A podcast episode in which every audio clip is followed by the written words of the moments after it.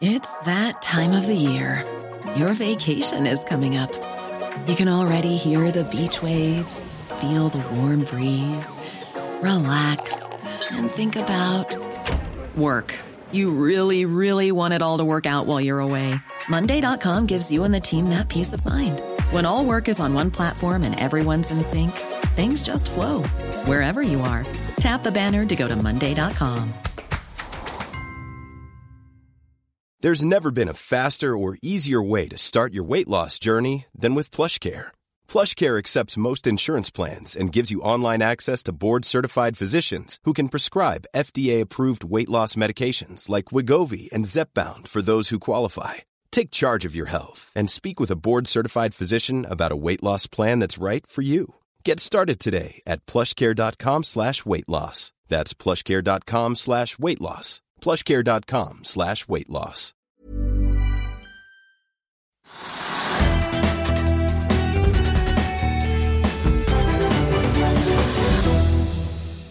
Nå skal vi over til eh, dagens gjest. Han er eh, konsernsjef og relativt fersk som sådan i Golar LNG.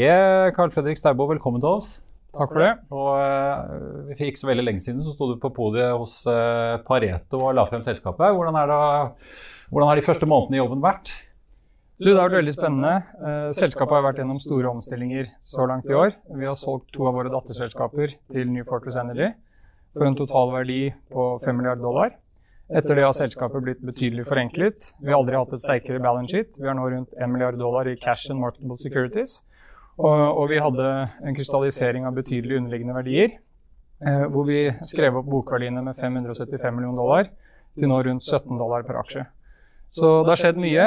Eh, vi vil si at det som har skjedd, har vært veldig positivt for selskapet.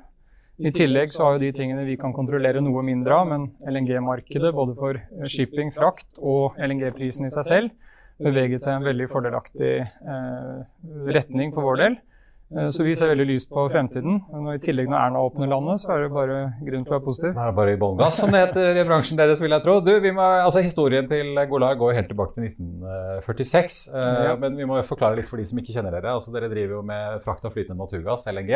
Det er. Men dere har jo også da altså, skip som produserer, altså kjøler ned gass så den blir flytende. Og så har dere da eller solgt unna da den regassifiseringsdelen med skip som gjør det om tilbake til vanlig naturgass. Det er helt riktig. Så Hvis du ser for deg gassverdikjeden, så har du gass som kommer uh, ut av bakken. For å økonomisk transportere den uh, mellom kontinenter, så må du kjøle den ned. Uh, den krymper da 600 ganger ved minus 160 grader. Det er en flytende fabrikk som gjør det. tenk på det som en flytende fryser. der leverte vi den første flytende fabrikken i 2018, og den har operert uten noe nedetid som er bedre enn alle andre som har prøvd å gjøre noe tilsvarende. Eh, den er så bra at BP har bestemt seg for å bestille en til fra oss, eh, som alene genererer 4,3 milliarder dollar i EBTA-backlog. Eh, så den businessen er veldig spennende. Så er vi i shippingmarkedet. Vi har i dag en flåte på ti båter som da frakter LNG-en fra fryseren Eh, til sluttbruker, hvor da gassen må gjøres om til gassform igjen før den brennes typisk på et kraftverk. Ja. Golar fram til januar i år var i hele den verdikjeden. Men det vi så er at når gassprisen er høy, så tjener du penger på oppstrøm, altså frysere og shipping. og når gassprisen er lav, så tjener du penger på importfasiliteten og kraftverket. Så det vi bestemte oss for, var for, både fordi vi så gassprisen i det korte bildet, men også mest sannsynlig det litt lengre bildet, uh, vil være fordelaktig for oppstrøm. Uh, så vi ja, For dere tror på at gassprisene skal holde seg relativt høye? da? Vi tror at gassprisen de neste fem årene er betydelig høyere enn de foregående fem årene.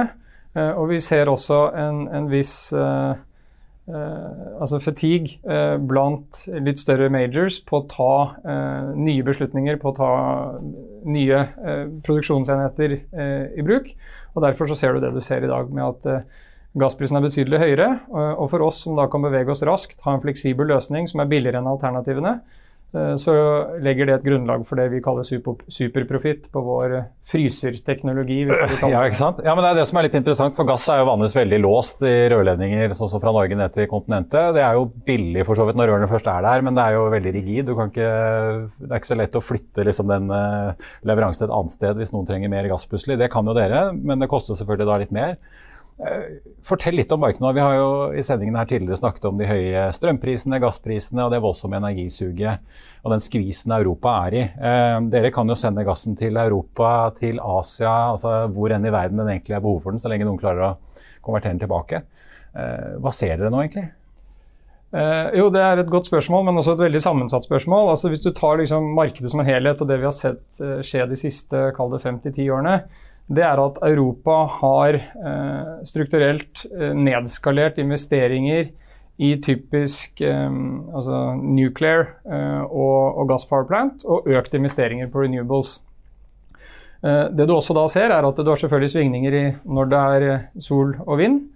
Eh, det sammenfaller ikke nødvendigvis med eh, energibehovet når gjennom dagen og når gjennom året det er størst energidemand. Og ettersom vi ikke har noen effektiv måte å lagre elektrisitet på i dag, eh, så får du mye større svingninger i elektrisitetsprisene.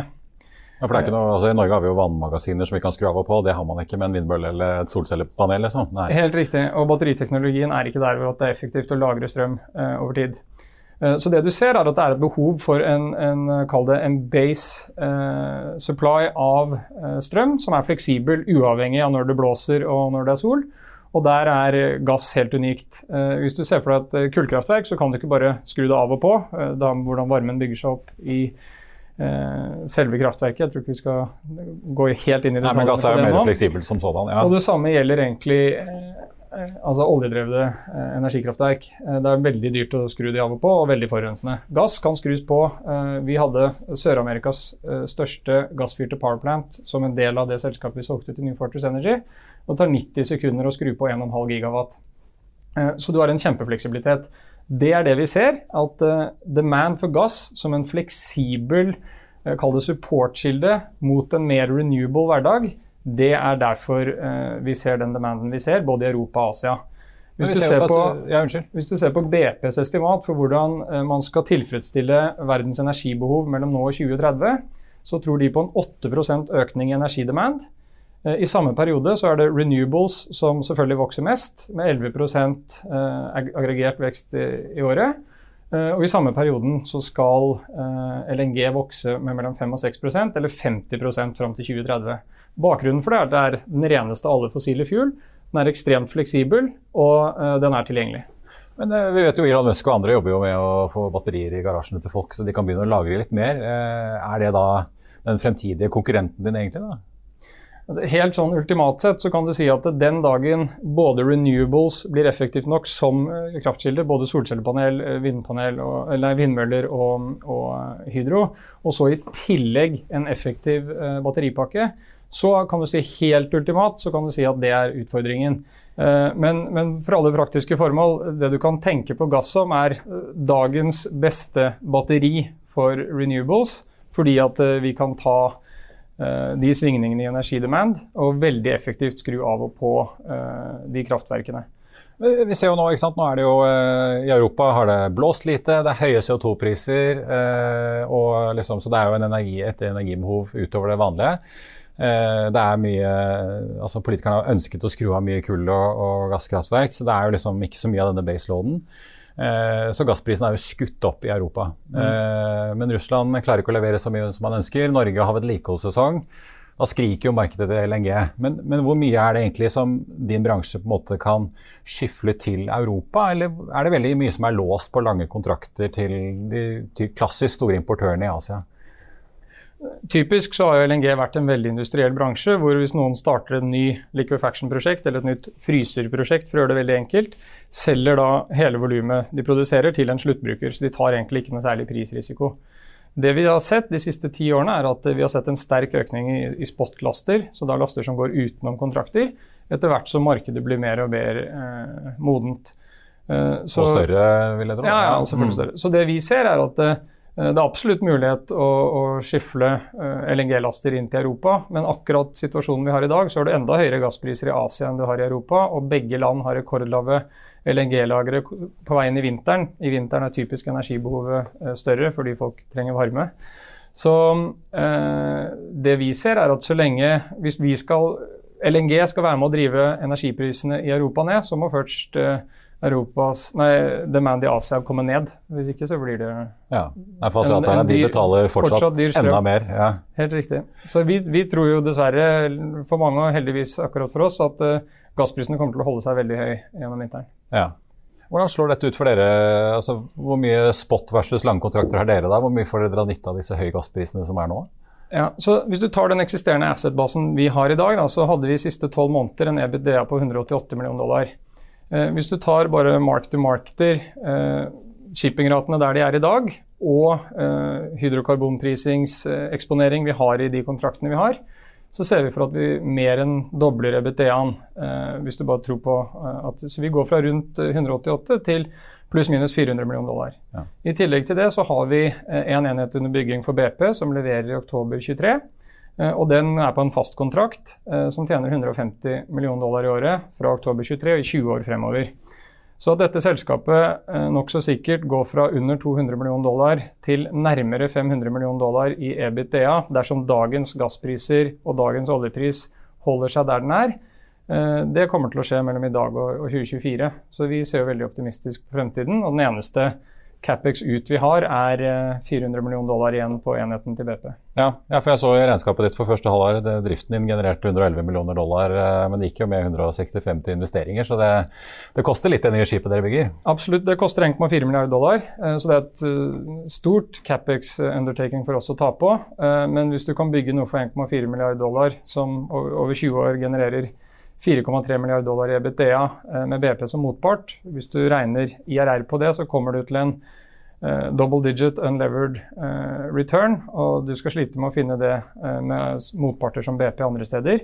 Og vi har infrastrukturfond som ved levering er villig til å by vesentlig lavere enn double digits for den. Så der ser vi for oss at dersom aksjekursen ikke reagerer, så kan vi i hvert fall ta ut arbitrasjen andre steder.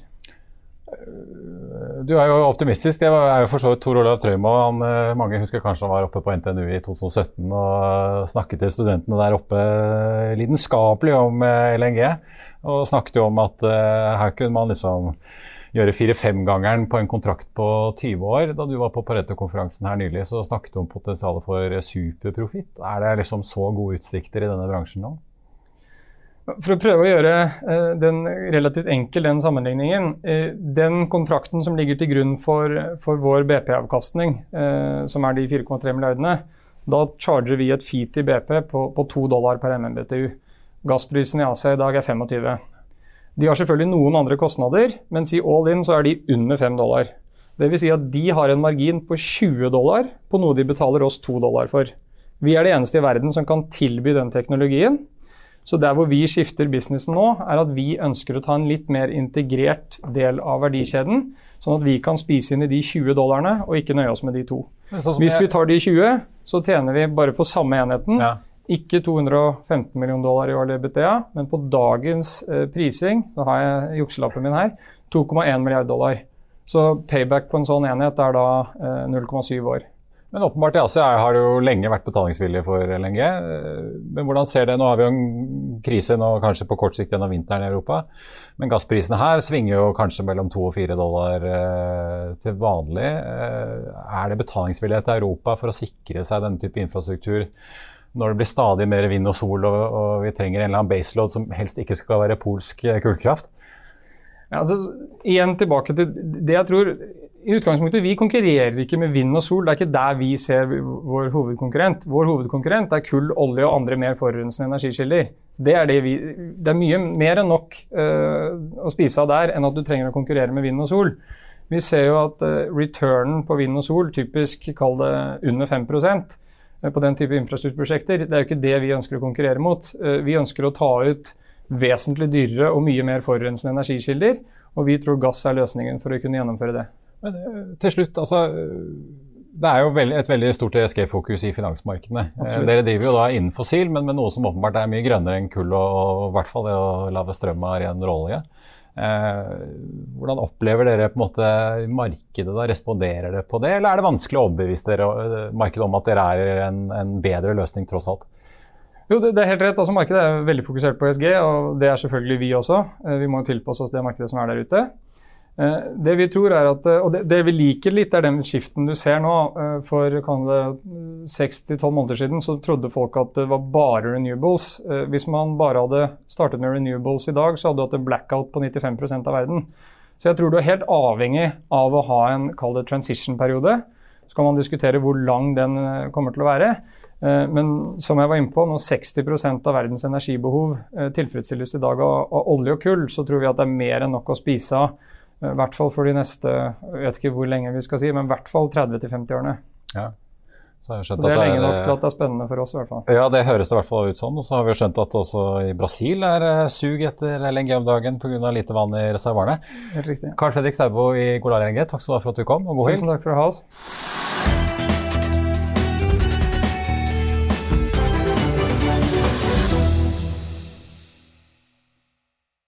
Økonominyhetene er en podkast fra Finansavisen. Programledere er Marius Lorentzen, Stein Ove Haugen og Benedikte Storm Bamvik. Produsenter er Lars Brenden Skram og Bashar Johar. Og ansvarlig redaktør er Trygve Hegnar.